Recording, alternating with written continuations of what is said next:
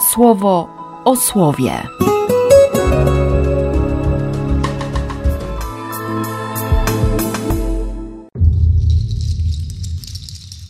8 listopada, wtorek. Głoś zdrową naukę. W Chrystusie Najwyższy objawił pełnię swojej łaski, która dla wszystkich ludzi jest jedyną szansą zbawienia. Niby nic nowego, ale czasami trzeba o konkretach przypomnieć, bo, bo się łatwo zapomina o sprawach najprostszych, a jednocześnie fundamentalnych.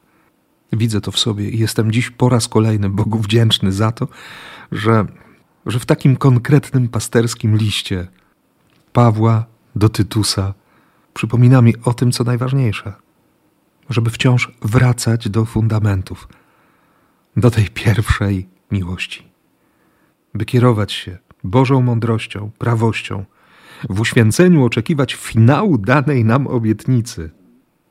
Konkret to nie są nie wiadomo jakie wymagania. Wiadomo, jakie są te wymagania. Na tym polega zdrowa nauka. To jest też nasza wzajemna odpowiedzialność.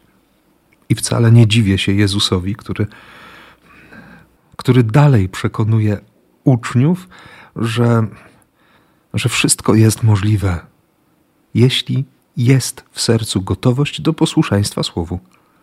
To wczorajsze, jeżeli posłusznie pójdziecie za moim słowem, to nie tylko będziecie w stanie tak przebaczać, ale dokonacie również innych rzeczy, które dziś wydają się wam niemożliwe. Tak, to jest pewność, że wiara wzrasta przy zachowaniu posłuszeństwa słowu Jezusa. Jakby dla upewnienia ten przykład z niewolnikiem. Jasne, że kiedy niewolnik zrobi swoje, wróci od zleconych mu zadań, nie zostanie przywitany zdaniem: Teraz możesz zostawić wszystko i zasiąść ze mną do stołu. Skoro wypełnia rozkazy, to nie musi oczekiwać łaskawości od swojego Pana. I apostołowie doskonale to zrozumieli. Posłuszeństwo.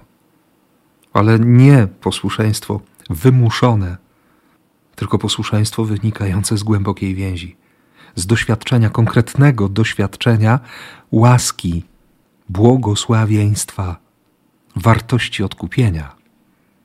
Dlatego absolutnie logiczne, jest stwierdzenie: wykonaliśmy to, co było naszym obowiązkiem. Nie ma w tym żadnej naszej zasługi. Jesteśmy niewolnikami niekoniecznymi. To nie pogarda czy, czy zaznaczenie dysproporcji między nim a nami.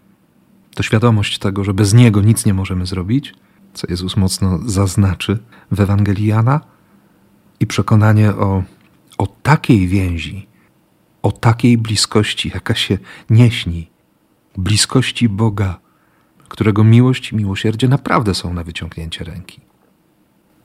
Takiego doświadczenia Ci życzę i, i błogosławię w imię Ojca i Syna i Ducha Świętego. Amen.